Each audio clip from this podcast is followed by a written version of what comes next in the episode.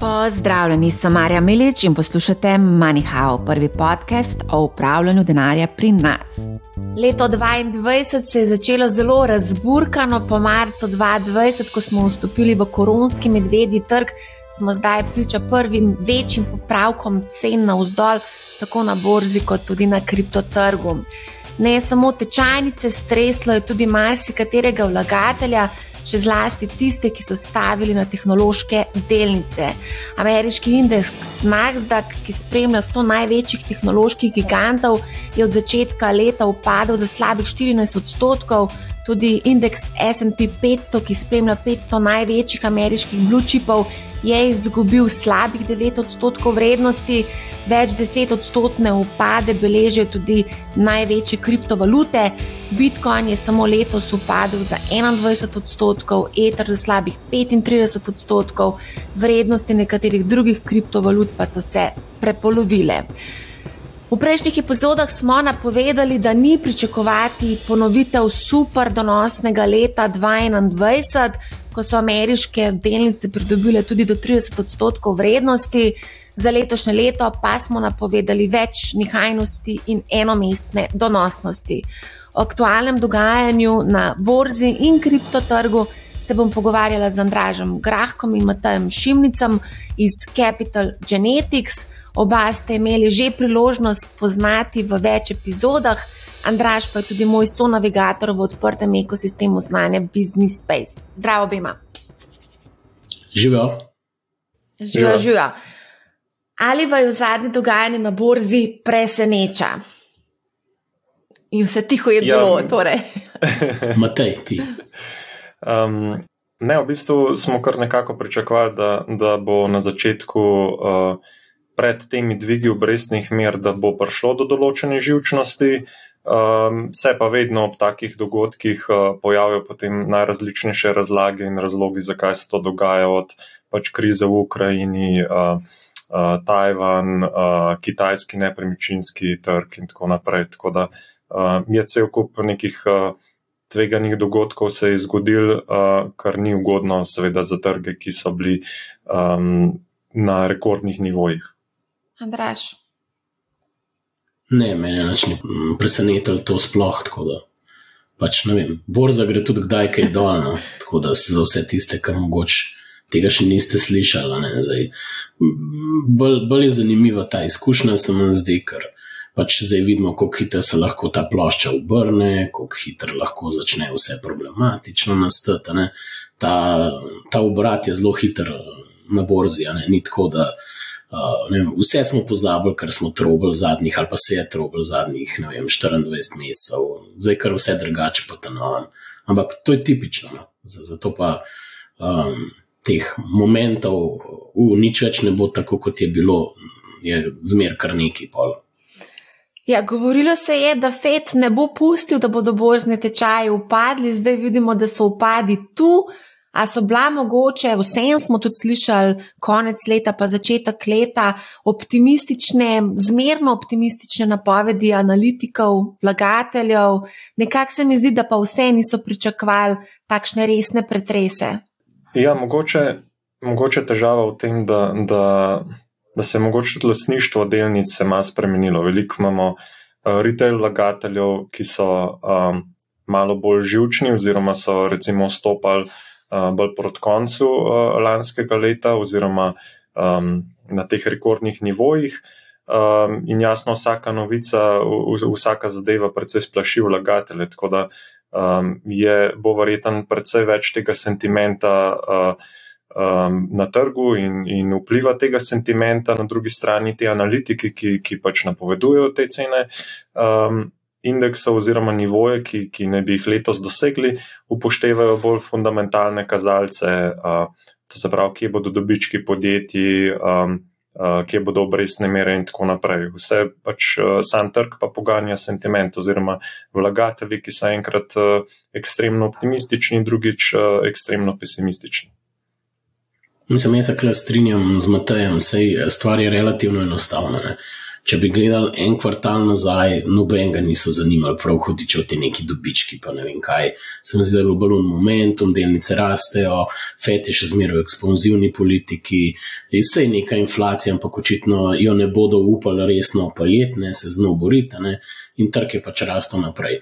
In vsi zaključni govori, da se tako izrazim na neke vrste ne, predporoto lanskega leta analitikov na koncu, so bili relativno enostavni. Monetarna politika bo še zmeraj akomodativna, se temu reče, torej ne, ne bojo zdaj zaostrili na ostro.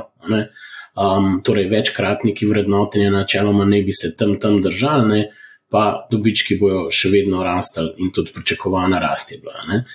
Zdaj, izkazalo se je mogoče to, da tukaj FED misli resno, veliko bolj resno, kot so nekateri pričakovali, in seveda to so želeli računati že takoj v tečaje v štartu leta. Um, to ni tako, da zdaj, ne, če FED rekel marca bom dvignil obrestno mero, nihče ne počaka do marca, da jo bo res dvignil in takrat delnice proda. To se pač takoj uračunava noter. Tako da se je to že uračunalo, neko politika FED-a se je že uračunala, se mi zdi relativno not.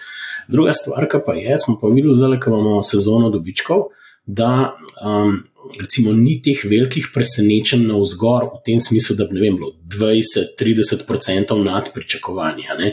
Vidimo, da dopički prihajajo noter, sicer kakšni so nad pričakovanji, ampak niso tako, temu se reče, blowout, niso materialno nad. Recimo, tipičen primer, včeraj je bil Microsoft, ki če pogledamo rezultate, so fenomenalni. Ampak niso pa, ne vem, 30% nad pričakovanji to, kar se je dogajalo skozi korono, ki je pač ta Azure Cloud jim delal, ki je dobro, nisem še zmeraj dela, ki je dobro naoljen stroj, samo pač pričakovanja so zdaj prilagojena, da bo še naprej delal, je dobro naoljen stroj. Ne? In to, to je pač pa vse nekaj relativno in temu se reče, da ta momentum na presenečenjih je zdaj ena stvar, ki uh, ni. Pač več tako jasno, da bodo kar vse firme nad preskočile letvico gladko, tretja stvar, ki se pa dogaja, kjer je pa dobesedno klanje, mesarsk, mesarsko klanje, boj za, za tečaje, so pa vse delnice, kjer pa ni nobenih dobičkov v osnovi, ampak temelijo na neki tezi rasti nekega segmenta trga. Tam smo pa videli te tako imenovane hype delnice, kot eni pravijo, ali pa recimo, če se po, ne vem, recimo Ark Invest je dober proksi, zato ker ima veliko teh delnic noter, pa sam sklad. Ne. Vidimo, da od vrhov, tam nekje novembr, decembr, ponavadi so bili formirani, so nekateri tečaji dol tudi do 70-80 odstotkov. Ne. Primer, pogledajte si je na Robin Hood, ki je bil IPO, ne. smo bili tam, prišli smo na trg mal pod 40, eh, šli smo skoraj do 60, se mi zdi, da smo pa na 12 dolarjev. Pa so tulili takrat vsi, kako je to pocen delnica. Ne. Tako da eni določeni segmenti, ki so zelo v prihodnost usmerjeni, pa bistveno bolj tvegani kot drugi, so izjemno, v bistvu, ne, je kar se umikal denar ven, še zlasti te hype delnice, ker je bilo, kot je Matej rekel, po moje, več, relativno več teh nakupov fizičnih oseb. Ne. Um, tam se mi zdi, da je bilo to še malo bolj mhm. podarjeno. Tako da sta, ki bi o dveh trgih skoraj govoril, lahko na nek način, no, iskreno. Zdaj, ko omenjaš rezultate, tukaj smo videli kar dramatične odzive nekaterih vlagateljev. Recimo Netflix je ob napovedi zmanjšanja števila naročnikov zaradi vse večje konkurence, upad delnice je upadle za 20 odstotkov v enem dnevu.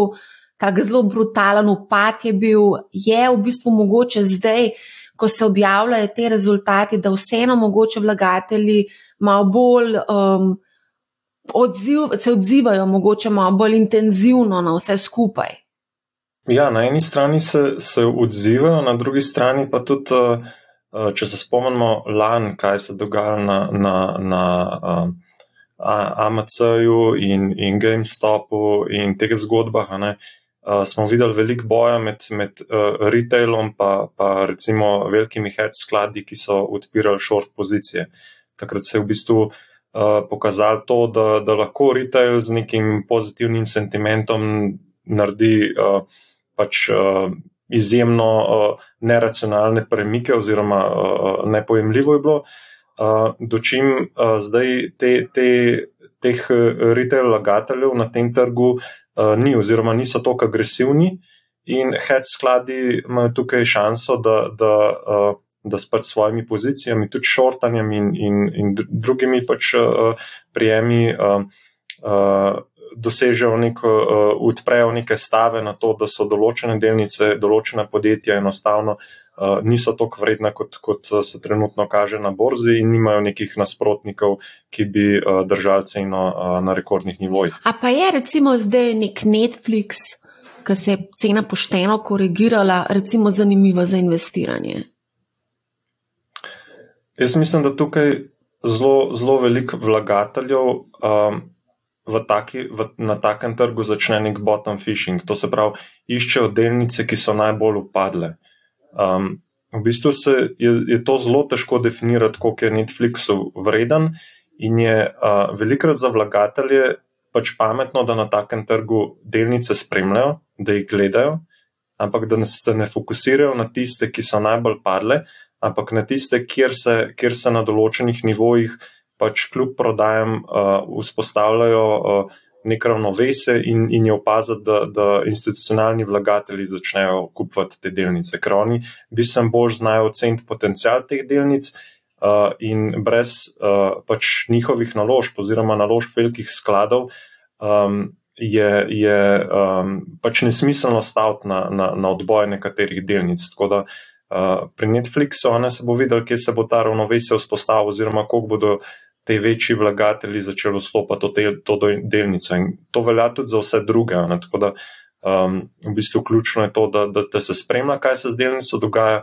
In pa da se ne, naslepo ne stavi na tiste, ki so najbolj izgubili z upanjem, da se bo to odbil in vrnil na, na historične nivoje.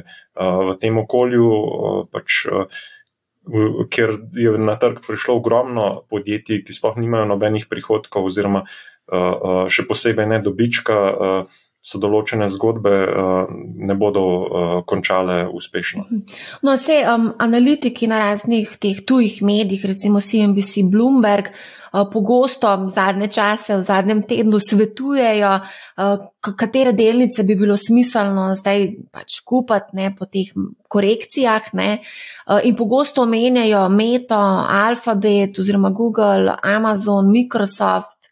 Je zdaj se splača izkoristiti te razprodaje na borzi za nakupe teh kakovostnih delnic? Dajmo se malo spomniti, kaj smo mi govorili večkrat v prvi sezoni Manihau. In to je v bistvu, da pač, bomo tako rekel, so vrednotenja ranljiva, da smo v nekem poznem ciklu, da lahko pride do korekcije in za tiste, ki vstopajo noter z večjimi zneski, da si mogoče razdelijo to po nekih tretjinah v roku leta in pol, da ne rinejo z enim celim zneskom noter. Jaz mislim, da se je skoraj šolski primer zgodil tega, da smo imeli pač pregret trg, glede na neko, rekel, srednjeročno, mogoč najem, realnost, v kateri smo ekonomsko gledano in, in stališče monetarne politike. In v bistvu jaz bi se tega točno tako lotil. Zdaj, za, za tiste, ki imajo malo bolj dolgoročen horizont, pa vrčujejo v ETF-ih, recimo na vem, 10 let in več, v bistvu je to za njih super. Pač ne kupijo Blue Chip Index, vnotraj so itak te delnice, ki si zdaj rekla, Mislim, lahko tudi kakšno to delnico kupijo, to so pač Blue Chipi, ki predvsem je pomembno to ustvarjajo tudi denarni tok v tem trenutku.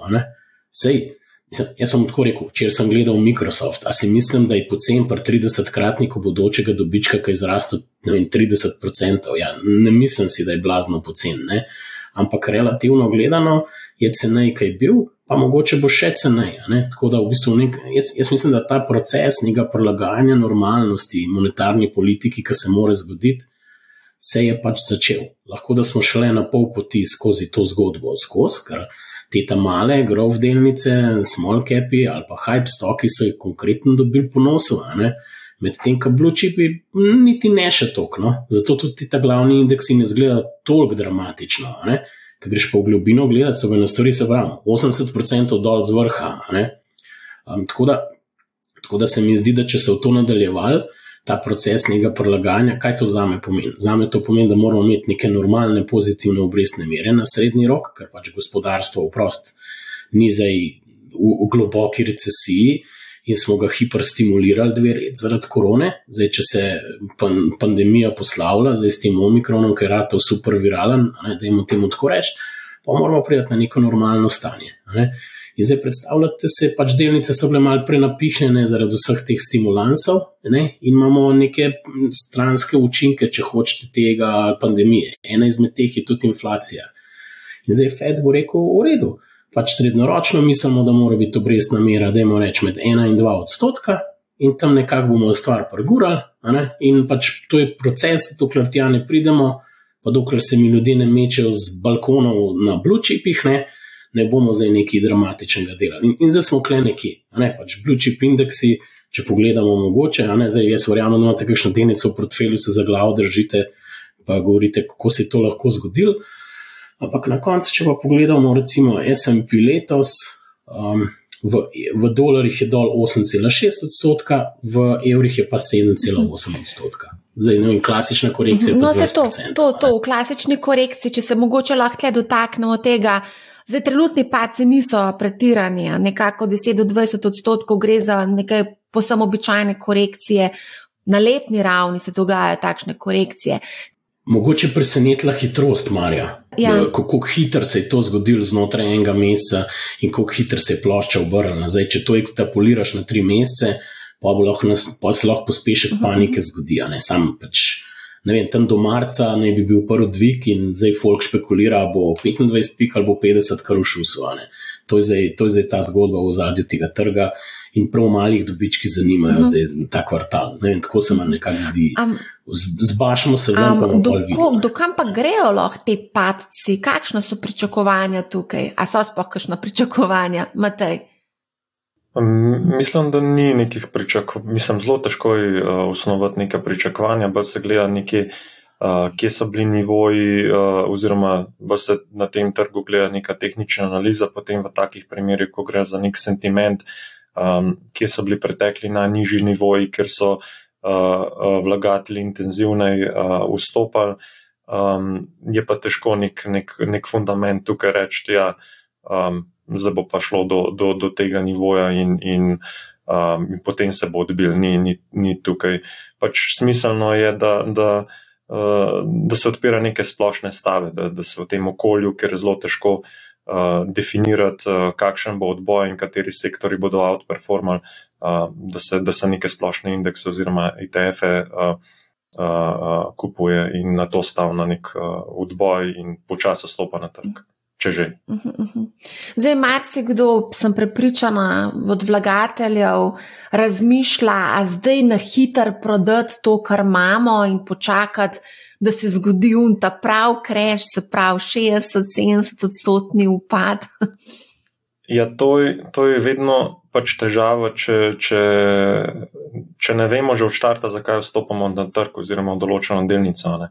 Če zdaj mi verjamemo in, in imamo neke napovedi in nek pogled, ne, da bo Netflix uh, pač dominiral na tem trgu in dosegal neko rast, in, in je bil to zdaj samo nek. nek uh, malo slabša novica in dolgoročen trend še vedno pozitiven, potem pač vemo, da, da ustrajamo v tej delnici, ker, ker se fundamentalno ni nič spremenilo, ni, niso prišle neke nove tehnologije oziroma nek odnos uh, nov uh, kupcev, ki, bi, ki ne bi več. Uh, Gledal streama, v bistvu ta trend se bo nadaljeval. Ne. Težava pa je, če mi zdaj kupimo Netflix ne, na podlagi tega, ker ga je sosed kupil, ali pa, ali pa kolega, ali pa kdorkoli. Mi smo pač delnica je padla zdaj za, za, za 20% po objavi rezultatov, in eh, jasno, da, so, da smo v, v temi, ker ne vemo, kaj narediti. Zdaj to, v bistvu, v določenih primerjih vemo, da, da, da niti določeni ljudje ne vejo, kaj podjetja delajo. Ne. Tako da, če smo pač vstopili na podlagi sosedove odločitve, nota, ne, imamo, imamo jasno težave. Ne. Ni pa, te, ne, ni pa tudi za, za vse druge delnice, ne, ki, ki recimo nimajo dobičkov in tako naprej, ne, ki zdaj padajo, so, so ljudje v temi. Noč ni narobe, ne, če mi stavimo na te delnice, ampak se moramo temu primerno obnašati. Ne, moramo, moramo vedeti, da, da, da podjetje ima vprašljiv posloven model in da moramo imeti cenovne. Uh, Nivoje določene za izstop iz teh naložb, ker pač nikoli ne vemo, na kakšen bo prepoznavanje teh idej na trgi. Pač ni robe, če stavimo na trend. Ampak moramo vedeti, da, da je potem trend podlaga tudi za odločitev za izstopane. Um, tako da vedno je ta težava. Uh, nakup brez tega, da vemo, zakaj to kupimo.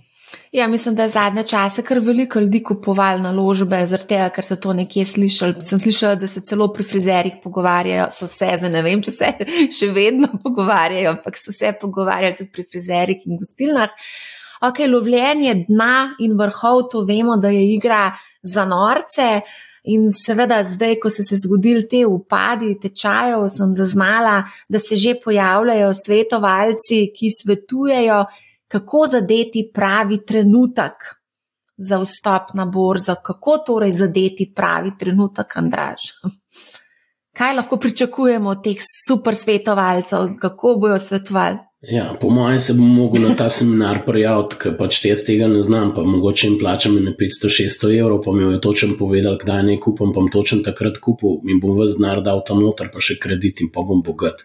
A misliš, da bi to delovalo? ne vem, pravi, sprašujem, ne, pač, ne. Vsi bi radi prihodnost poznali, ne vem, točen, kjer dan bo nek dno, pa kaj se bo zgodil. Pa, če bi vsi to vedeli, ne vem, pol ne brabel trga na nek način, sploh ne vem, pol se kar zmenimo, pa v prihodnost, pa zbrišmo ekonomijo, pa je, ne vem, pač, pač to se prodaja, ne poslovni model je pač to, kar pač stremi človeštvo k tem, da zmedno misli, da nekdo tam, ki ve nekaj več in ve, kakšna je prihodnost, pač lahko proda. Sej že od davnih časov vedeževalcev, pa vedežev in videžev in ne vem, mesi in vsega živega, sej skozi ta nek, nek po naši možgani na isti način delujejo. To je pa zdaj samo v neki modernejši obliki, se mi zdi. Tako da je pa res, ne, da v osnovi vse, kaj pomeni korekcija. Ne. To pomeni, da so se cene prilagodile in da je v prihodnjem donos uh, bo večji, kot je bil v preteklosti, ker pač se uračunava višja premija za tveganje in zdaj se uračunava nekoliko višja premija za tveganje v vse te papirje. Torej, v osnovi za nekoga, ki ima dolgoročen pogled, zdaj, ali je agresiven, pa mogoče kupuje kakšne te small cape, ki so res stepeni, totalno. Mora pač se bolj vprašati, ali ima neko košarco v nekih panogah, ki ima potencial 50 let naprej. Z tega stališča se je pač v zgodovini skandal za zmer, ker so bili popravki. Rečemo, več kot 30% je bilo tako jasno, da je takrat si zaklenil noter s temi nakupi nadpovprečno donosnost. Ne? Tako da mene iskreno povem, če me eno vpraša, dokam lahko to gre, mene nič ne preseneti, če bi NSMP trenutno je pri 4356 točkah, ki se zdaj kle pogovarjamo, šel tudi do 3500 točk, če to vse skupaj gre v neko paniko in pretiravanje. Pač, To so stvari, ki so se v preteklosti dogajale. Mal, mal gledam tako, kje smo bili pred korono, pa smo imeli tako totalno paniko, pa smo šli v kontrasmer in smo imeli uh, temu se reče windfall, pumpanje trga v kontrasmer, zdaj smo pa pogruntali, da v bistvu vse skupniti ni bilo tako grozen. Ne? A razumeš, ne? in zdaj moramo spet v neko no, normalnost monetarne politike pridati, pri čemer že pred korono smo dvigovali obrestne mere. tako da govorim v ZDA. Ne? Tako da v bistvu pač prideš nazaj na isto izhodišče, zdaj malo bo. Ki malo pretiravajo, lahko tudi do tja pride. Zdaj, aj to moj osnovni scenarij? Ja, mogoče ne, ampak uh, če se spomnite, sem jaz takrat govoril, da, da sem kupoval tudi zavarovanje, ne, tudi malo za svoj osnovni portfelj, ker so bile put opcije, torej prodajne delniške opcije poceni. Jaz sem takrat kupil opcijo za, ne vem, sem en procent sploh cele vrednosti indeksa plačal za opcijo pri 3100 točkah, sem imam strike price.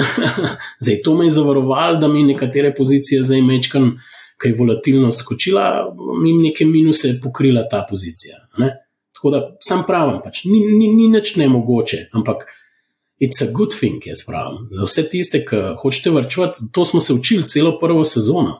Ne paniko zagnati, ne vsega denarja naenkrat not, kakšen je DNK borznega zloma, koliko časa v povprečju približno traja. Zdaj, če se v zgodu, se vam ni treba vseh metkov zelo vse naenkrat ponuditi. Sej, če ste čez 3-5 let naprej, ne vem, kaj sploh kaj je problem, zdaj, da je malo korekcija. Um, preverila sem tudi, kaj kaže indeks strahu in pohlepa.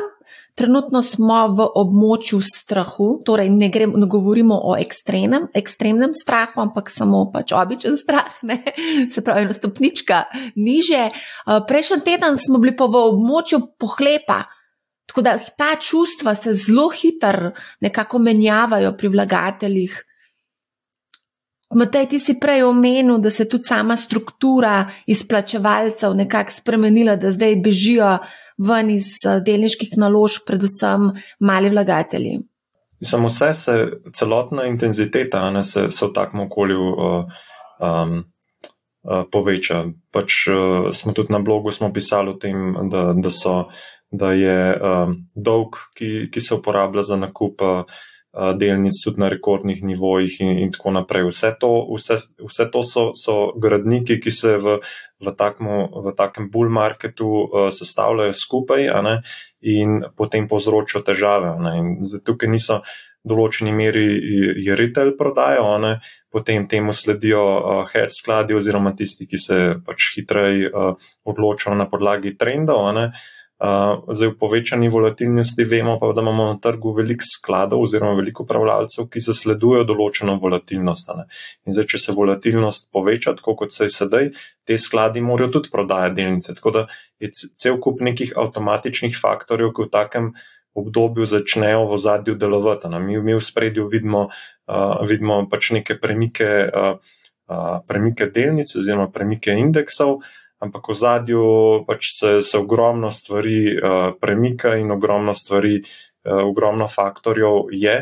In raven zaradi tega, ker jih je toliko ne, in cel kupenih kazalcev in vsega, ne, ki jih ljudje spremljajo in iščejo dno, ne, kot si prej omenila, uh, je, je v tej množici ne, dejavnikov zelo težko pokazati s prstom, da ja, ta, ta indikator pa zdaj kaže na to, da zdaj, zdaj se bomo pa tukaj odbili.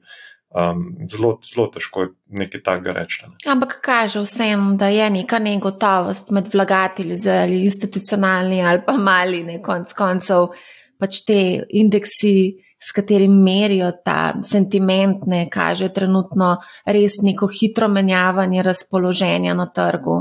Absolutno, ja. Z, to, uh, največkrat je to, to raven iz, iz tega, iz, iz uh, optimizma v pesimizem, ker, ker dopad se v bistvu hitreje pride kot pa, uh, kot pa uh, uh, na, na odboju. Ne. Na odboju bo vse en bo ne, neko oblikovanje dna ne, in tudi uh, bodo, bodo vlagatelji še vedno v večini previdni, medtem ko, ko na drugi strani, ne, ko, ko, ko je nek optimizem, se počasneje razvija ne, in dobi uh, večje število pripadnikov, oziroma je bolj množično to, um, bolj stabilno. Jaz mogoče en, en pregovor, recimo, ali pa en rek, borzni rekel, da kratkoročno je trg, um, temu se reče voting machine, torej glasovalni stroj, ne? srednje in dolgoročno je pa weighing machine, to pomeni tehtalni stroj, ne? torej pretehtajo vsi argumenti, kratkoročno je pa pač bolj vprašanje, tako kot volitve, kdo nam je bolj všeč, ne? kdo nas manj vem, razburja in kdo nam gre manj na živce. Ne? In mal, mal je ta zgodba uh, in se zato tako sentim, po sentimentu odziva, ampak uh, sooner or later se pol izkaže, kaj je zdaj tam neki v zadju vseh teh nekih mnen in soočanja mnen in teh emocij. Zdaj, že prejšnjo sezono smo nekako bili bolj zadržani, večkrat smo pozarjali na potencijalne upade tečajev, seveda nismo znali napovedati, kdaj se bo to zgodilo. Um, z številnimi sogovorniki smo imeli tako podobno debato, uh, tudi Damien Merlak, z njim smo naredili uh, prejšnji teden epizodo, uh, ker je povedal, da se je v začetku leta umaknil v denar in stavil celo na upad SP-ja, torej je šortal indeks. A je zdaj denar kralj na kljub povišani inflaciji? Mislim, stališča gibanja na delniškem trgu je, ker je relativno pač denar ni prinesel izgub, oziroma vem, proporcionalno na število dni na ležarine, če jih plačujete. Ne? Uh, pač trgi so pa dol. Eni, eni delnice so dol 80 odstotkov, ne vem, Bitcoin je dol, tako kot ste rekli, skoraj polovico. Torej, ja, ljubezensko razmerje z denarjem se je kar čez noč spremenilo, ne za posla z denarjem, spet radi spalne. To je, to je tipično, no, mislim. Tako da, ker tok zarečenega kruha in laganja samo sebi, ki so sposobni ljudje, ki so na kapitalskem trgu sproducirati ali pa smo sproducirati, je pač tipično človeško. Ne, in pač. Sploh ne vem, zakaj primerjamo denar, delnice, vem, obveznice na isto obdobje, en let, dveh, ker to, to sploh ne vem, kakšen smisel ima, iskreno povedano, ker je to nenaravno. No? To je nenaravno. To je tako, kot bi različne živali med sabo primerjali, ker živijo na severnem polu ali pa v Sahari. No, mislim, ja, v redu, vse jih lahko, se ni problem, bo zanimiv. Ampak, če se ko meniš živali, da jemo se spomniti pregovora: Bulls make money, bears make money, pigs get slaughtered.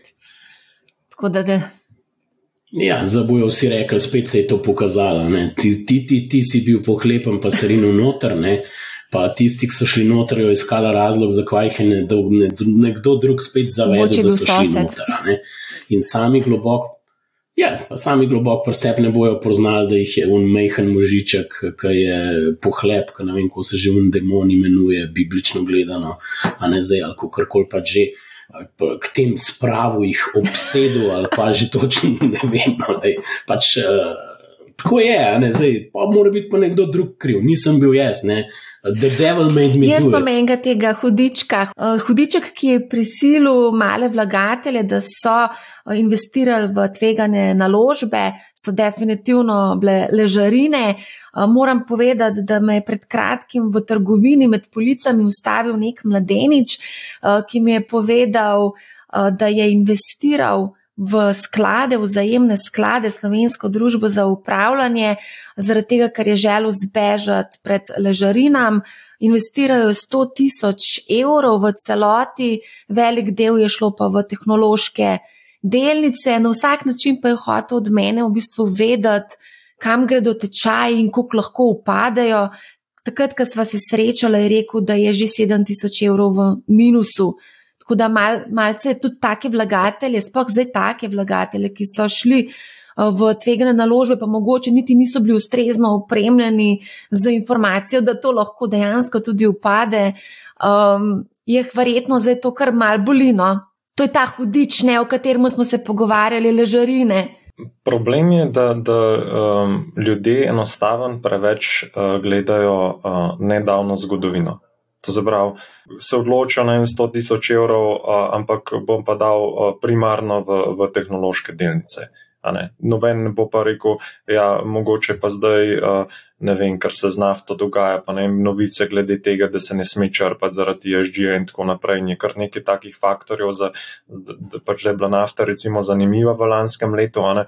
ampak ne, pač tehnološke delnice so najbolj privlačne in, in, in, in tja bomo ložili. Pač ta uh, nediversifikacija in, in um, pač sledenje tem zadnjim, zadnjim uh, uh, trendom zelo velikrat pač udar vlagatelje po, uh, po žepu, uh, raven zaradi tega, ker se trendi pač menjajo in, um, in je škoda pač, da, da, da, da vlagatelji ne pogledajo malo daljše zgodovine. To se pravi, da pogledajo vsaj za, za deset let, kaj se z indeksi dogaja, kakšni so možni upadi, na kaj lahko recimo v najslabšem uh, uh, scenariju uh, pač pričakujejo. Ne. In šele na podlagi tega ne, potem se odločijo, koliko denarja uh, uh, nameniti posameznemu skladu ali pa vem, delnicam ali pa obveznicam. Ne. Um, nedavno smo tudi napovedali, Andraš, da bomo povedali oziroma pogledali, kako uspešni so bili domači vzajemni skladi v primerjavi z uh, glavnimi indeksi. Uh, glede na to, da imamo rekordno uplačilo v vzajemne sklade, je vsekakor potrebno se zavedati tudi, kakšne rezultate dostavljajo. Ti si zdaj to strokovno prečekiral, ali nam lahko poveš na kratko, kaj si ugotovil? Ja, bom, v, bistvu, v bistvu logika je bila valna, da smo se celo sezono ukvarjali s tem, aktivno versus pasivno, tako imenovani ETF-ji proti vzajemnim skladom. Zdaj ne bom šel zdaj v zgodovino in globoko in vse vzajemcev, hle vam prebral, ker pač pol me lahko poslušate tri dni. Ne? Ampak v bistvu nekako smo rekli, ok, idemo malo tako bolj, kako uh, reko, športno pogledati lansko leto in dajmo se usmeriti mogoče na neke osnovne vrčevalne produkte, torej vrčevanje v globalnih delnicah, na razvitih trgih. Um, in pač to ZDA smo tudi pogledali, recimo, pa trge v razvoju. In v bistvu to prvo vprašanje je, ali je kateri koli od, začnimo z globalnimi delniškimi produkti, ki jih ponujajo slovenski DZUI, uspel ustvariti donos, ki je bil višji od njihovega benchmarka. Najprej moš povedati, kaj točno je benchmark. Da ponovimo. No. Torej, benchmark je merilo vrednosti, ki si ga postavi upravljalec, oziroma ga, ga da na mizo in reče: Jaz želim to premagati, želim preseči donosnost pač nekega trga, v tem primeru globalnega trga. Ampak tukaj prihaja že do prvega problema, ker benchmark vsi razumemo bolj v tem smislu, ali bo upravljalec prešišal trg. Ne? Ugotovili smo, da ko smo šli gledati, kaj uporabljajo za benchmark, tudi približno ne uporabljajo benchmark, ki odraža donos vsega, kar je trg naredil v tem letu. Bom sam razložil. Pač, Ker vi investirate v delnice, najprej se tečaji povečajo, pa dobite pa še skozi dividende nek dodaten donos in temu se reče skupen donos. No? In v tem trenutku lahko rečem, da noben referenčni eh, benchmark, nobenega od slovenskih DZU-jev na področju globalnih delniških trgov ne vključuje indeksa, kjer bi bile upoštevane tudi dividende. Torej, oni se borijo samo proti tečajem. Pač dividende so, če imate srečo, on top. Razlika je tukaj že ta prva, glede na ETF, je, ker ETF želi replicirati celoten trg, vključno z dividendami. In klej ta hudič v podrobnostih pri benchmarkih. Nekateri so še malo bolj kreativni, domači DZU-ji, ker vključujejo tudi tako pač, če imate primer ne, za svetovni delniški trg, je indeks MSCI World, to pomeni svetovni delniški indeks. Ampak imamo primer, recimo, vem, konkretno je to Triglav DZU, ki vključuje tudi 5 odstotkov uh, denarne obrestne mere čez noč. Zdaj, zakaj? Zaradi tega, ker trdijo, da pač morajo z likvidnostjo to upravljati in morajo skozi neki denar imeti tam in ni fair, da pač se merijo sam s trgom. Zdaj, seveda, če gledate potem sam na benchmark, boste ugotovili, da nimajo vsi enake benchmarke, ne? to je ena stvar. Druga stvar pa je, da se niti ne borijo proti, proti celotni donosnosti trga, ampak pač samo en del trdijo, da morajo premagati. Ne? To je že ta prva stvar. Ampak, to je rekel, kva pa ti tako tehničen, brez veze. Da že enkrat povej, a je kdorkoli od teh vzajemcev premagal ETF. Ne? In zdaj odgovor je ne. Uh, lani ni bil uh, trg primeren, ali pa ni bil lahek trg za aktivne upravljalce, ker je pač cel trg to krasto in je bilo težko, težko slediti mu. In bom dal sam primer. Ne. Lani je bil celoten donos v evrih indeksa MSCI World 31 odstotkov, 31,07, to so podatki Bloomberga. ETF, IWD, uh, A, na A, ki kotira recimo v Amsterdamu, v evrih ga lahko kupite, smo ga že večkrat omenjali, ne? je pa celo ustvaril, ne boste verjeli, višjo donosnost, 32,5. Tudi to smo se debatirali, ali lahko ETF prešiša trg. Kratkoročno se lahko odstopanja določena pojavljajo. Zaradi večjih razlogov, ker posoja delnice in podobne stvari, pa lahko se malo trguje, pa so tukaj določene eh, konverzijske stvari, ampak pač tako je. Zdaj, če bi šel po vrsti, zdaj, vzeli smo vse globalne neke delniške produkte, a ne imajo vsi enake, čisto samo enake benchmarke, um, neki mešajo tudi neki trgov v razvoju noter, ne, tako da kle, kle že tako je upozorilo, da pač trgi v razvoju so slabše delovali. Ampak point je en drug. Tudi če vzamemo tiste, ki imajo pa 100% ne, globalnega delniškega trga, nihče ni presegel. Najbližje, da imamo pohvaliti tiste, ki so bili najvišji, če že pač govorimo o imenih. Med najboljšimi so bili konkretno Trigrav svetovni delniški 28,9, medtem ko je ETF naredil 32,5. To je bil najboljši slovenski DZU, ki je usmerjen izključno na, na zahodne trge. Um, tem sta bila pa zelo skupaj NLB, globalni delniški, pa prvi izbor od General Investment, ki sta 28,1 odstotka naredila. Če pogledamo torej globalni delniška bitka lanskega leta, ko preštejemo vse zmagovalce mrliče, lahko rečemo eno stvar, mogoče da. Nihče, težko rečemo, da je bil kdo blazno nezadovoljen, v smislu, ker so bili donosi vsi dvomestni in pozitivni, ampak vse je bilo leto bistveno bolj naklonjen nekim pasivnim produktom, ker je denar pač drl noter. Zdaj bomo pa videli, kako bo v letošnjem letu, ko ne bi se aktivni upravljalci mogoče morali malo bolj rekel. Recimo, da bojo imeli lažje delo, čeprav nisem čest prepričan, ker je tako nenaden zdrs se zgodil. Um, zdaj, lahko gremo naprej še zelo na hitro, pa bom sam povedal, da so kje druge premagali. Uh, uh, ok, mogoče samo toliko. Uh, lahko rečemo, da so svoj lastni benchmark pač presegali 3 DZU-ji, te, ki sem jih uh, navedel, ampak je pa res ponovno, da pač benchmark ne vključuje dividend. Tako da zdaj, zdaj se moramo vprašati, zakaj, zakaj je tak benchmark, ampak v končni fazi tisti, ki ste imeli ETF je bila vsaj lani to očitno bolj ekonomična in optimalna rešitev.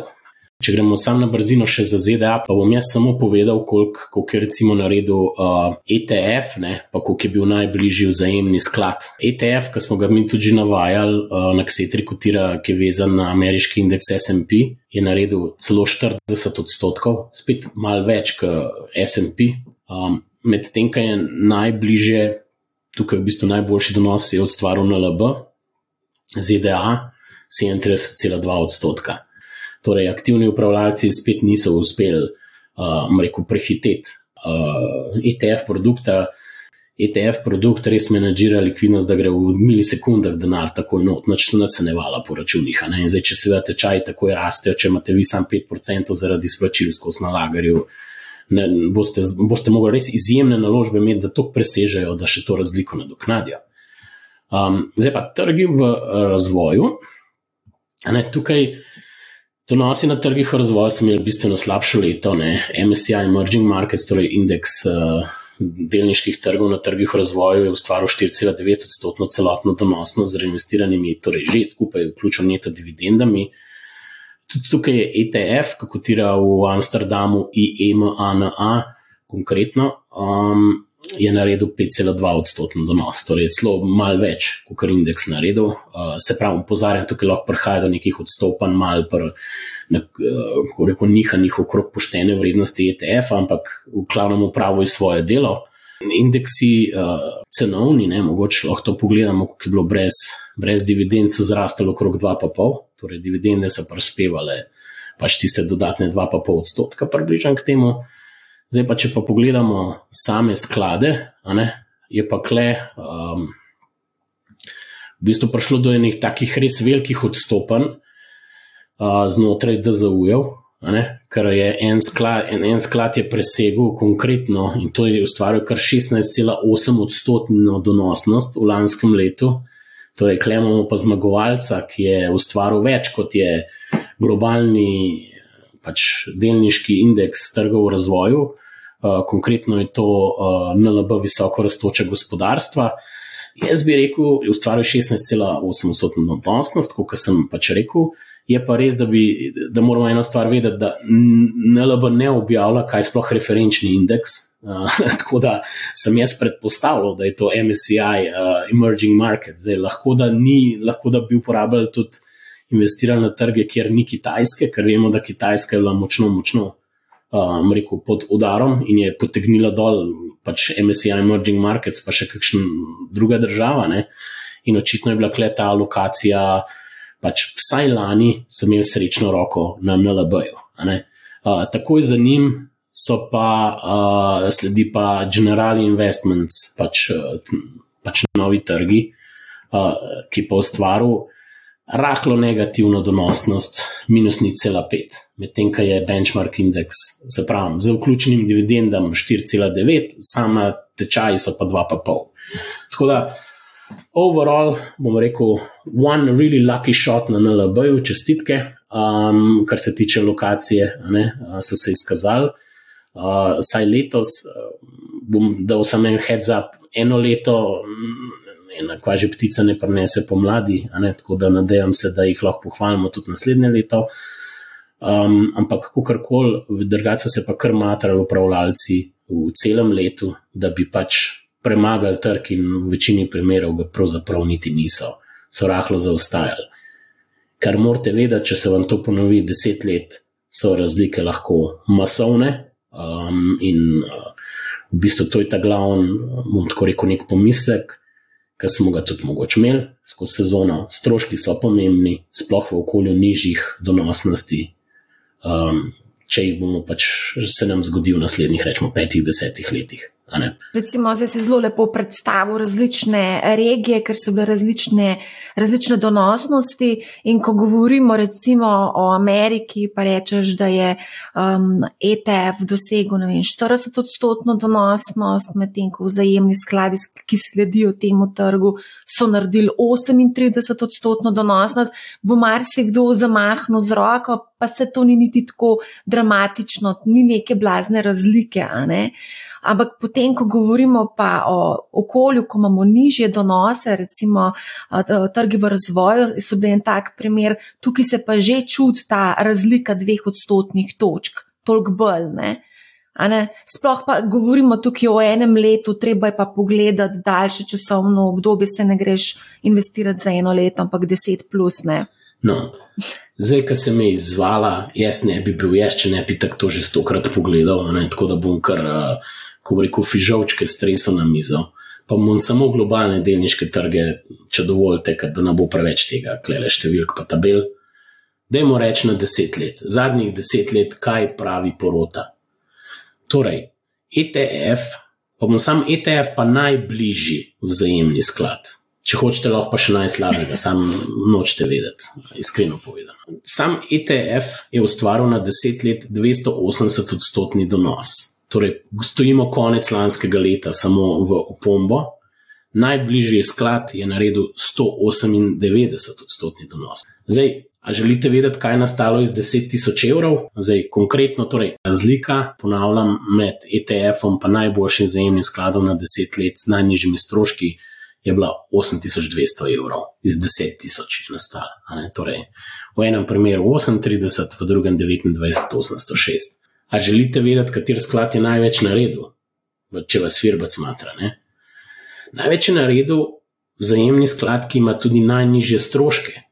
Torej, sklad skladov, prvi izbor, ki ga upravlja General Investments, ki investira v druge sklade in te so večinoma ETF-i, in je celotni strošek poslovanja ni cela 9 odstotka medtem ko drugi imajo v povprečju od 2 pa vse do 2,6 odstotne celotne stroške poslovanja. Vam dam še eno informacijo, ker zdaj sploh ne vem, že kakšno tiralico na mene izpisujejo tam na, na, na DZU-jih, pa me jo čakali v temni ulici ali pa, ali pa kaj takega. Um, Medtem, ko najslabši pa predelal 20.648 evrov, konkretno, ustvaril je 17.360 evrov iz 10.000 v desetih letih, medtem ko je ETF 38. Najslabši sklad je imel donosnost na 10 let 73 odstotkov, medtem ko je ETF 280. Pač včasih se aktivne stave ne izidejo. Ne, pač, mogoče v koroni, smislu, da ne bo šlo v to smer, pa si bil bolj konzervativen, pa se je čez nekaj tretjega zgodilo. Ne? Zato je to aktivno upravljanje je, uh, je zelo, zelo težko. Um, še teže je pa, če so stroški 2,6 na leto, ker pomnožite krat 10, če malo poenostavimo, pa že ko ste v minusu, glede na trg. Tudi če ga ujamete. Ne? Eh, glede na to, da nekako se pričakuje v prihodnem desetletju vse nekoliko niže donosnosti, je vseeno potrebno biti fokusiran na vse te stroške, ki, za katere smo doskrat iz mojih izpostavljal, o tem smo govorili, tako da je potrebno vsem, ko se izbira neke take naložbe, biti pozoren na stroške, ne samo vzajemni skladov. Slišim, da zelo radi sedaj prodajajo tudi naložbene zavarovalne police. Tako da tukaj pa sploh potrebno biti previden, in pa seveda tudi druge produkte, uh, kjer je visoka uh, vstopna provizija in pa tudi upravljalska provizija. Matej, mogoče lahko ti kaj poveš o tem, o tem kakšno je tvoje mnenje? Uh, ja, absolutno, mislim, vsakmu trgu je treba to gledati, še posebej v tem, če bodo uh, dolgoročni uh, trendi uh, pač, uh, usmerjeni bolj k ni, nižjim donosom, a ne bo pa uh, bo pa nasplošno zelo, zelo, zelo težko. No. Uh, uh, mislim, večja, večja kot je fleksibilnost upravljalca, ne, ni, ni samo um, večja priložnost za njega, da ustvarja nadpoprečne donose, ampak je, je običajno bolj. Uh, um, Moramo bolj predpostavljati, da je uh, še večja možnost napak. Ne, tudi na splošno, um, v primeru na, uh, vzajemnih skladov že, že upravljalca nema težave s tem, z, s to aktivnostjo, potem pa dodatno še, še vlagatelji še sami posegajo v, v to, ko v napačnih trenutkih uh, izstopajo in vstopajo in tako naprej. Um, tako da uh, ključne bodo vse, od malenkosti, od teh stroškov, od tega, ko, kakšen ma, imamo naš na, svoj naložben horizont, oziroma na kakšen način bomo vlagali. Pač bomo kupili naložbo, jo držali in, in postopno vrčevali in vlagali, ne? in se pač bomo sprejeli tudi te pace. Uh, zdaj so bili 10, lahko da bodo 20, lahko da bodo 30 odstotkov. Uh, ali bomo pa šli bolj v aktivno smer ne? in sami, sami izstopali in vstopali na trgu, ampak uh, moramo pa, moramo pa se zavedati, da, da bomo delali tudi napake, oziroma da, da mogoče to ni, ni najboljše, oziroma moramo se naučiti, moramo vlagati v znanje, da, da, bomo, da bomo to, to uspešno znali narediti, če boš, da tega sami ne delamo, vlagamo na, na, na dolgi rok. Vrčujemo in tako naprej. Ja, definitivno pri aktivnem upravljanju je potrebno imeti res veliko znanja, sicer lahko te to drago stane, to trgovanje. Um, mogoče bi za konec na hitro pogledali še na kriptotrg, tam se je kar precej zadeva stresla. Bitcoin je bil, mislim, da kaj 32 tisoč dolarjev, je padal, zdaj spet uh, pospel se na 37 tisoč dolarjev. Imeli smo pa Bitcoin pri 67 tisoč dolarjih, ne še nedavno. Tako da tukaj so paci kar dramatični. Um, kako vidva gledata na kripto? Je to tudi potrebno imeti v, v svojem portfelju, vlagateljem, malim vlagateljem to priporočata? Sploh zdaj, ko so se tako pocenile kriptovalute, mogoče je zdaj pravi čas za vstop in kupovanje nekaj. Jaz gledam na kriptotrg kot pač na nek segment v prihodnosti usmerjenih podjetij, ki v bistvu so predvsem um, rekel, usmerjena v gradnjo produktov, za nek prihodni trg, za neko, neko aplikacijo, neke megatrende. Ne? In približno podoben so se kriptovalute obnašale kot te delnice. Um, tako da, kar se mene tiče, v bistvu, jaz sem še presenečen, ko se kriptotrg drži, če sem čisto iskren, sploh nek Bitcoin. Uh, mogoče sploh ne jemljem to kot nek crash, uh, to, kar se, če konkretno Bitcoin govorim, ker tam smo že bili, znotraj zadnjih 12 mesecev, na spodnjem koncu tega razpona, tako da jemljem to kot en zelo, zelo širok trgovalni, v bistvu razpon, znotraj katerega se na nek način Bitcoin niha. Me pa ne presenetilo, če bomo nadaljevali malo tole dramo tam nekje do marca, da bi lahko tudi zdrsali pod ta spodnji konc tega razpona, ki je kle, da jim rečemo, rahlo na 30 tisoč dolarjev za Bitcoin. Zaradi tega, ker ne vidim iskreno povedano logike, zakaj bi tam Bitcoin ustal, če bojo tudi kakšni blue chipi šli nižji 10-15 odstotkov, govorim, vem, govorim o Apple, Amazonih in drugih zgodbah. Torej, um, mislim, da nič posebenega, iskreno povedano, um, nič presenetljivega. Um, Mal me moč Bitcoina preseneča na, na tem nivoju, iskreno povedano, ampak uh, kakorkoli. Um, je, pa, je pa res, ne, da je tukaj tudi razvoj pomemben. Vi morate razumeti, kam bo šle te tehnologije, kam pa še noter. In jaz sem klej še zmeraj malo bolj pristaž iti preko nekih delniških naložb, ki imajo izpostavljenost, ki pa id direktno noter v te kriptotokne, ker pač bom tako rekel. Mislim, da smo priča enemu prehodu, kjer je jasno, da nek način, ko so se potrjevale neke transakcije, ni več primeren za prihodnost. In ne vem, kako jo določeni to zrihtali, ne vem, ali Bitcoin, pa Ethereum to fura za sabo že glihene dve, tri leta. Tako da bo zanimivo spremljati no, ta prehod. Zdaj, katera od novih prihodnih, bom rekel, nekih verik ali pa ekosistemov bo kle vodilno vlogo, pa če sploh prevzela. Mhm. Kaj pa ti, Matej, misliš o kriptotrgu?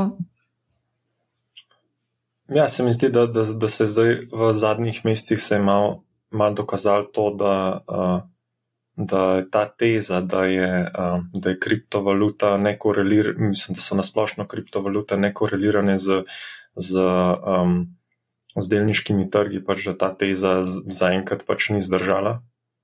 Um, dejstvo je, da. da Um, da takoj, ko se pač institucionalni vlagatelji upletajo uh, v, v neko zadevo, kot je Bitcoin uh, in kriptosvet na splošno, ne, se ta korelacija poveča, oziroma uh, ko pride do uravnavanja portfeljev, to, to udar uh, na, na delniške uh, naložbe. In, in na, na kriptonaložbe. Tako da tukaj je bilo povsem pričakovano, da, da, da se bo spaci še posebej teh uh, novih podjetij, oziroma na pol startupov, ki so na borzi, da se bo to uh, odrazilo tudi na, na, uh, na kriptovalutah. Tako kot je Andraš povedal, gre, gre praktično za zelo podobno zadevo, ni, ni dobička, ostal se na, neko, um, na nek dolgoročen uh, sprejem teh oblik uh, uh, naložb, valut, uh, karkoli. Tako da um, tukaj pač se je to, to čisto um, odvilo. Um, zdaj, razlogi pa, marsikdo bo rekel, ja, razlogi so tudi v tem, da, da je Ruska centralna banka začela s komentarji, da, da bi bilo mogoče kriptovalute potrebno prepovedati in uporabo in majnanje in trgovanje z njimi. Tako da um, pač na, takrat, ko je bila sama novica prišla v javnost, ni bilo nekega odziva ne, in se je šele kasneje to začel, ampak to je pač normalno za finančne trge, da se vedno najde neko priložnost na razlog, da, da se je to dogajalo. Je pa dejstvo, da, da, da se te zadeve lahko uh, pač, uh, eskalirajo, in če Rusija res to prepove in se mogoče pridruži še kakšna druga država, um, da, da pač so te trendi potem negativni, normalno, normalni. Videli smo tudi. Uh, takrat Nihaje, ko je Kitajska to prepovedala uh, oziroma začela izganjati um, rudarjen in tako naprej. Tako da to, to je nek divji zahod ne? in uh, v takem svetu bo, pač so taka nihanja nekaj običajnega. Ja, mislim, da se tudi potencijalen donos je ustrezno visok. Ne vem, ne vem, težko je pričakovati, da vem, bomo služili po 1000% v letu dveh, ne, pa ne imeli nihajev na nivoju 70-80% ali več, kar se je nekaterim pač kriptovalutam dogaja. Ne. In to pač pride z roko v roki, ko pride volatilnost, ko pride korekcija, je eno, ko pa pride nek mogoč bear market ali pa nek obdobje, ki res malo globi zareže tudi na deniških trgih. Tega pa sploh še videli nismo, ker sploh ne vemo, kako se v kriptotrg odzval, kako je taga, ker se je pač čisto korono smo full hitro popucali, ne, kar se tiče delniških trgov. Ne, nimamo bear marketa. Tako da jaz mislim, da klej moraš pač na dolgi rok nekako gledati. Ne. Jaz tudi recimo lahko povem, da sem mal na moču, kot sem rekel, svoj prst v vodo, tudi pri teh grov delnicah, ki so bile tepene, ene stvari so mi pač zanimive. Bolj vezane na prihodno mrežno infrastrukturo, recimo, ne, to sem kupoval, tudi malo finteka sem kupoval, ker pač ene stvari so enostavno zelo, zelo, zelo padle. Ne pričakujem pa, da se bo zelo odbile, pa da bom zatredal do konca leta. Pač gledam nekako pet let naprej, kaj imajo potencial, da te firme naredijo. In se mi zdi, da ene, pač dolgoročno gledano, se je to zelo tvegana stvar, ampak imajo potencial, da se razvijajo. Pa tržne kapitalizacije so bile prej po 60 milijard, zdaj so pa po 10. Ne? Zdaj pa tukaj imam že malo večjo šanso, da kaj se zgodi, kakšna, kakšna lepa stvar na 50 let. Ne. Z 60 milijard je pa malo manj lepih stvari, verjetno v filmu noter. Ne. Je pa doskrat tudi tako, da, da enostavno vlagatelji ne znajo ceniti uh, tega medvedjega trga. Ne. Recimo, že zdaj kratkoročno se je videlo na, na kriptosu. Uh, uh, svet, v kriptosvetu, ne, da ima recimo Solana težave s transakcijami. Zdaj, če, če, če je to nek, neka resna težava, ne, mogoče to ni network, ki bo, ki bo oziroma sistem, ki bo preživel. Um, in tudi pri mnogih teh kriptoprojektih, ne, če bo zdaj idealno, bi bilo, da je ta, da je ta bear market nekoliko daljša, ne, da vidimo, kateri pač uh, founderji oziroma uh, uh, uh, Eh, kriptaši, ki, ki vodijo te projekte, ne, kdo se bo nehal odzivati ne, na, na, na svojih kanalih svojim vlagateljem. Ne. Tudi v primeru na delniških trgih, videli smo ogromen na pol startupov, ki so prišli na borzo. Ne, um, tukaj se moramo zavedati, da ta podjetja še zmer kurijo denar in da bodo. Vprašanje, kdaj bodo prihodki prišli, in vsa ta podjetja bodo potrebovala uh, uh, svež denar. In takrat, v tisti uri, ne, ko, bo, ko bo pač treba zbrati nov denar, ne, bodo, bodo prplavali na vrh podjetja, ki, ki imajo nek koncept oziroma nek, nek srednjeročen plan, da pridejo do prihodkov. Ne. In na, tak, na taka podjetja se, se splača v tistih trenutkih stavta, ne, ko se ve, da, da je zad nek, nek denar, ki jih je pripravljen podpreti. Tudi recimo v, v obdobju uh, po, po dotkom Bablu, pač podjetja, ki so ob. ob uh, sesutih tečajev šla na borzo, ane, in so bili IPO-ji, so to dan zelo uspešna podjetja. Ane. Recimo Google ni, ni, ni prišel na, na borzo, uh, ko je bil totalen boom, ampak ko je bil v bistvu noben ni maral praktično tehnoloških delnic. Podoben, Visa podobno je prišla, uh, uh, mislim, da je bil leta 2009. Uh, IPO. Ne. Recimo, veliko velik, v takih trgih se, se, se, se res pač najlažje vidi podjetja, ki, so, ki imajo nek, nek uh, dober poslovni model in so jih uh, uh, um, uh, izobraženi vlagatelji oziroma uh, vlagatelji z več znanja pripravljeni podpreti. Um, dajmo za konec še en pameten na svet. Pred nami so volatilni časi, polni negotovosti, polni strahu. Dajmo čisto na hiter, na kratko. Kaj svetujete vsem prestrašenim vlagateljem, ki zdaj v bistvu gledajo tečajnice in jih malo stiska pri srcu? Pač imejte srednjeročen, dolgoročen pogled in večino vašega portfelja mora biti v kvalitetnih delniških naložbah na dolgi rok. Torej, najprej narediš stavo na indeks, zato ker nisi dost pameten, da boš čist z vsako stvarjo zmagal. Pa pa mogoče z, z nekim določenim drugim odstotkom ste pa lahko malo bolj agresivni. Zdaj, upam, da niste te neumnosti naredili, da ste vse decembra notali rokali, ker pol nas niste poslušali in pol, ne vem, boste pač enostavno, verjetno bo najslab, bo, lahko bo še slabše, preden bo boljš, to vam lahko povem in pač delniški tečaje grejo do 30-50 odstotkov dol, ampak ponovadi kvalitetne stvari, če imate te blue chipe, se bo pač pobral in še vsakič se je in pač to me ne skrbi na obdobje deset let. Ne da te keš krave ne bojo neki več vredne. Pač sam ne bojo toliko več vredne kot blok ble, ne, če bi malo razpršili to. Ne. Tako da um, deniške naložbe imajo svoj namen in mora se sprijazniti, da so volatilne, tako kot kakšen koleričen družinski član, ki ne moš pomagati, se, se bo pomiril, pa prišel nazaj, spet bolj miren za mizo. Ne. Tako da le. Pač. Matej, dej še ti. Ja, predvsem, predvsem to pač vlaganje in dolgoročen proces, um, postopen. Um, taki trgi, kot so zdaj, so priložnost, da se posvetimo delnicam, ne iskati tistih, ki so najniže.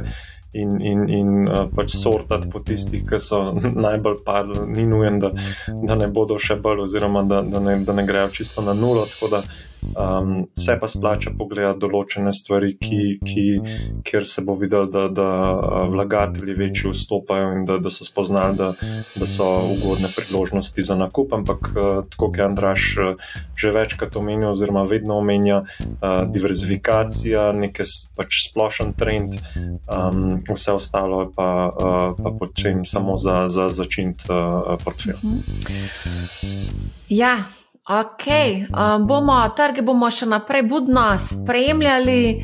Najlepša hvala obema sogovornikoma za super debato. Uh, za vse tiste, ki želite malce obuditi spomine na borzne krize, predlagam, da poslušate epizodo, ki smo jo posneli skupaj s Petrom Groznikom in Andražem Grahkom na to temo ki sta spominjala sta se, kako je bilo leta 2008, kako smo reagirali vlagatelji, kaj so počeli upravljalci premoženja. Tako zelo, zanimiv, zelo zanimiva epizoda. Če imate kakršno koli vprašanje, mi pišite na marjafnabusinessspace.com. Poslušajte Marihau, ne bo vam žal, lep pozdrav!